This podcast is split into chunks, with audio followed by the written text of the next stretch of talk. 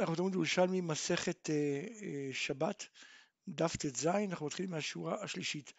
באמת הגמרא, עד השמשה שאל לרבי עמי, רבי עמי היה כהן, ועד ההאשמה שלו שאל אותו, מאחר מותר להדליק בערב שבת שמן שרפה, אם מוסיפים לזה מעט אה, שמן חולין, כלומר בערב שבת שהוא לא יום טוב, כן?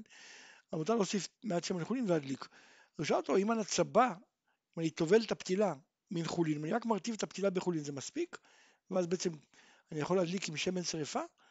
אמר לי, בתילו על גבי פתילות. אמר לא, צריך שבשמן עצמו להוסיף אה, מעט שמן חולין, ולא די שהפתילה עצמה רטובה בשמן חולין. רבי דוד פזי אורי לילן דבר נחמיה כן. עד השמשה דרבי עמי נוסף פתילתא, כלומר הוא משתמש בעצמו, אם היה נשאר שמן שרפה, הוא לוקח לעצמו ומשתמש לצרכיו. ורבי ליה לא נוסף פתילה.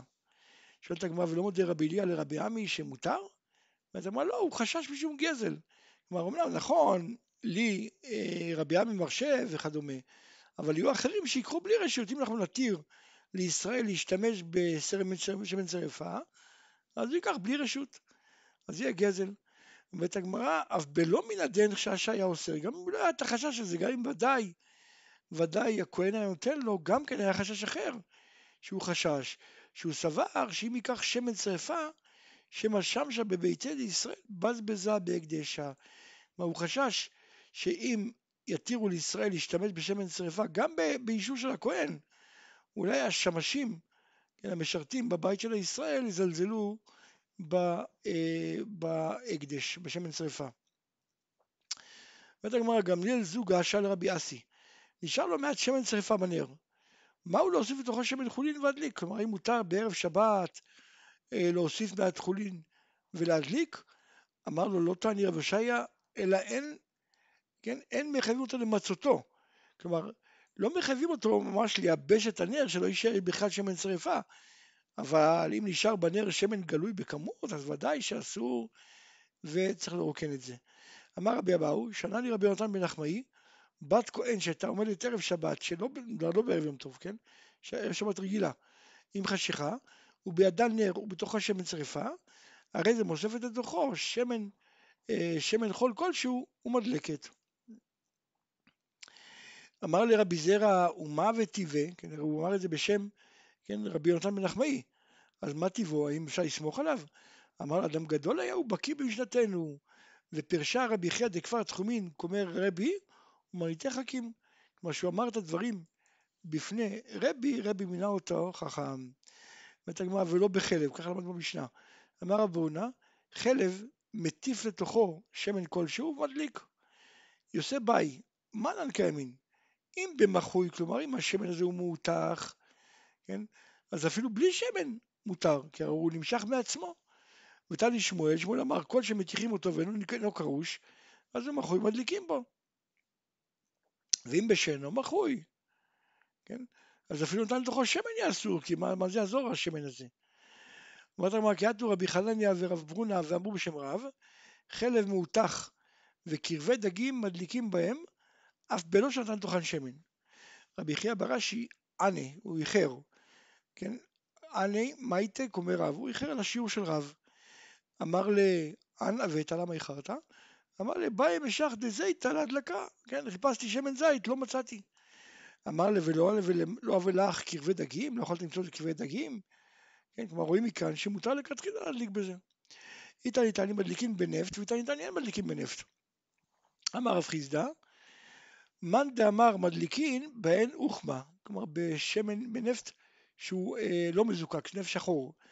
ומאן דאמר אין מדליקין בהן חיבה, רדה וסכנה. בפרק ב' הלכה ב' אומרת המשנה, אין מדליקים בשמן שרפה ביום טוב, וישמעאל אומר, אין מדליקים מיתרן בכדי לבוא שבת, וחיים מותרים בכל שמונים, בכל שמונים, שמן שמונים, בשמן צנועות, בשמן אגוזים של צנועות, בשמן דגים, בשמן פקות וטל ונפט. ביטרפון אומר, אין מדליקים אלא בשמן בזית בלבד. אומרת הגמרא, אין מדליקים בשמן שרפה ביום טוב. משמע מכאן, אה, בכל עניין קדמי מדליקים. כן, אם אתה אומר שלא מדליקים, כן, בשמן שרפה, סימן שלגבי כל האחרים הוא אומר שהוא סובר שמדליקים, כן? גם, בפס... גם אלה שפסולים להדלקה בשבת, פה מדובר ביום טוב, כן? אז אם אתה אומר לא מדליקים בשמן שרפה ביום טוב, משמע שבכל השאר שהם פסולים להדלקה בשבת, מותר להדליק בהם ביום טוב, חוץ משמן שרפה, כיוון שכמו שאמרנו שאין שורפים קודשים ביום טוב. רבי ישמעאל אומר, אין מדליקין ביתרן מפני כבוד השבת. שואלת הגמרא, מה בין יתרן, מה בין קרבי דגים? הרי לכאורה שתיהם מסריחים, אז מה ההבדל?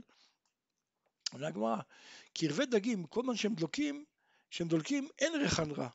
קבור ריחן רע. יתרן, בין כבה בין דלקו, בין דלק, ריחו רע. אז לכן לא מדליקים בו, כיוון שאדם לא יושב אה, לאכול, יעזוב את הבית, כן, יעזוב את החדר ש, שבו נמצא הנר, בגלל הריח הרע ולא יוכל לאכול. ואז הוא בעצם יתבטל מעונג שבת. אומרת הגמרא, למדנו משנה מפני כבוד השבת. שלא תאמר, אל תחשוב שכל האיסור זה מפני שאינו יכול לברך לידו, הואיל רע, כן? אבל, ואז יהיה מותר להדליק, אלא שטעון הרחק 400, כלומר הייתי אומר, כל האיסור זה משום הברכה, אז שידליק ויתרחק, ואז הוא יוכל לברך, כן? לפעמים כן צריך ממר, אין מדליקים בו כלל מפני כבוד השבת, וחיים מתירים בכל השמנים, רבי טרפון אומר אין מדליקין להם בשמן זית בלבד, כלומר רק בשמן זית מותר. עמד לו רבי יוחנן בן יורי על רגליו ואמר ואם כן מה יעשו אנשי בבל שאינם אלא שמן שמשומין? מה יעשו אנשי מדי שאינם אלא שמן אגוזים בלבד? מה יעשו אנשי אלכסנדר שאינם אלא שמן צנונות? מה יעשו אנשי קפודקיה שאינם אלא לא כך ולא כך אלא נפט? אלא אין לך לאסור אלא מה שעשו ראשונים בלבד.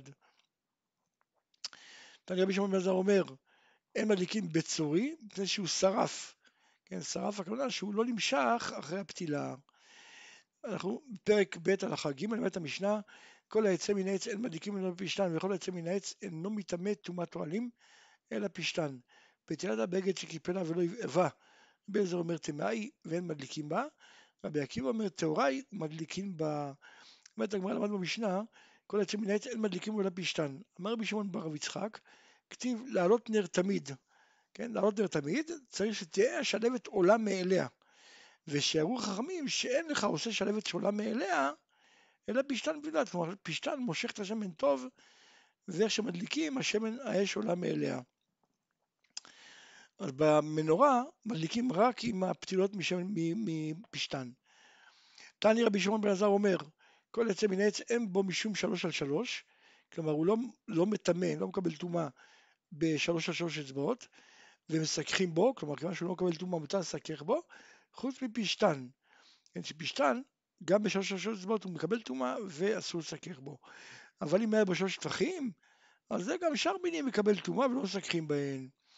אמר רבי יוסי, עשו את היוצא מן העץ חוץ מפשתן כבדי פשתן עבים, שאינם מקבלים טומאה בשלוש אצבעות. כן, כלומר, כיוון שהם לא ראויים לשימוש כל כך, כן, אלא רק בשלושה טפחים, אז לכן בשאר המינים זה נחשב כמו אה, בת פשתן עבה, שהוא לא מקבל תאום שלוש אצבעות, אלא בשלושה טפחים. דתנינן, האבים והרקים אין בהם משום שלוש על שלוש. תנן, וכל היוצא מן העץ אין, אינו מטמא טומאת אוהלים לפשתן. כלומר, אם אסור אוהל אה, מכל דבר, אז האוהל עצמו לא מקבל טומאה. כן? כלומר, האוהל כמובן מסכך והוא מעביר טומאה, אבל הוא עצמו לא נטמע. אבל אם עשו את האוהל מפשתן, האוהל עצמו נטמע. אמר בן עזר מן המשכן, כן, כתוב שם, וויזה לאוהל. אמר בן עזר מן המשכן למדו, שרק אוהל עשוי פשתן נקרא אוהל, דכתיב, את המשכן תעשה עשר יריות שש מושזר. וכתיב, אה, ואת פערי המגבעות שש. וכתיב פערי פשתים על ראשם. אתה למד שש משש ושש מפערי ופערי מפערי. כן, רואים מכאן שמה שנאמר בפערי פשתים על ראשם, סימן שהבגדים של הכהנים זה הפשתים, וכתוב מגבעות שש, משמע מכאן ששש זה פשתן, וכתוב באוהל שהיריות הן שש מושזר. זה מכאן שהיריות היו זה מפשתים. אומרת הגמרא, פשיטא שאוהל מאור בהמה טהורה מקבל טומאה. כי כרגע היה אוהל מועד מכוסה ביריות אלימו דמים. אבל רבי עזר שאל, מהו לעשות אוהל מאור בהמה טמאה? כלומר, האם גם זה נקרא אוהל ומקבל טומאה או לא? כלומר, אם אדם עשה אוהל מאור בהמה טמאה, האם זה נחשב גם כן אוהל ויקבל טומאה, האורות עצמם? אומרת הגמרא, והכתיב ואורות חשים, כן, הרי תחשים לכאורה זה בעל חיים טמא, אומרת הגמרא, פליגי ברבי יהודה ורבי נחמיה ורבנן, מין טמא או מין טהור. רבי יהודה אומר, טמא היה ושמו תיינין, כן? בגלל הצבע שלו צבע תכלת, שעל שם צבעו נקרא, ורבי נחמיה אמר, גלה קטינין היה נקרא. והבנן אומרים, חיה טהורה וגדלה במדבר, כן? ותאה, ותאה כיד רבי נחמיה, אה, דא כיד אמר רבי אלעזר ורבי יוסי. רבי אבא בשם רבי שמעון בן לקיש, שאמר בשם רבי מאיר, כמין חיה טהורה ברא הקדוש ברוך הוא למשה במדבר, וכיוון שעשה במלאכה, מלאכת המשכן, נגנזה. כלומר, זו הייתה חיה טהורה, נבראה רק לצורך המשכן ונגנזה. רבי אבון אמר, קרש היה שמה. אה, תני רבי ישעיה, וחד הקרן אבל דכתיב, ותיתנו להשם מישור פר מקרין מפריס. קרן, בלשון יחיד כתוב, כן? כלומר, יש לה קרן אחת רק. אז בעצם החיות, התחש, זה היה אה, חיה טהורה, שנבראה רק פעם אחת לצורך המשכן. יש פרשנים שאומרים שבעצם מדובר בג'ירפה, כן, שבעצם יש לה רק קרן אחת באמצע, ומה אה, הכוונה? מה הכוונה שהיא נבראה? לא הכוונה שהיא נבראה, כי הרי היא קיימת גם היום, אלא הכוונה היא באה, היא הזדמנה למדבר פעם אחת, זה היה, כן, כי הרי היא לא גדלה במדבר, היא הגיעה למדבר במיוחד לצורך עבודת המשכן.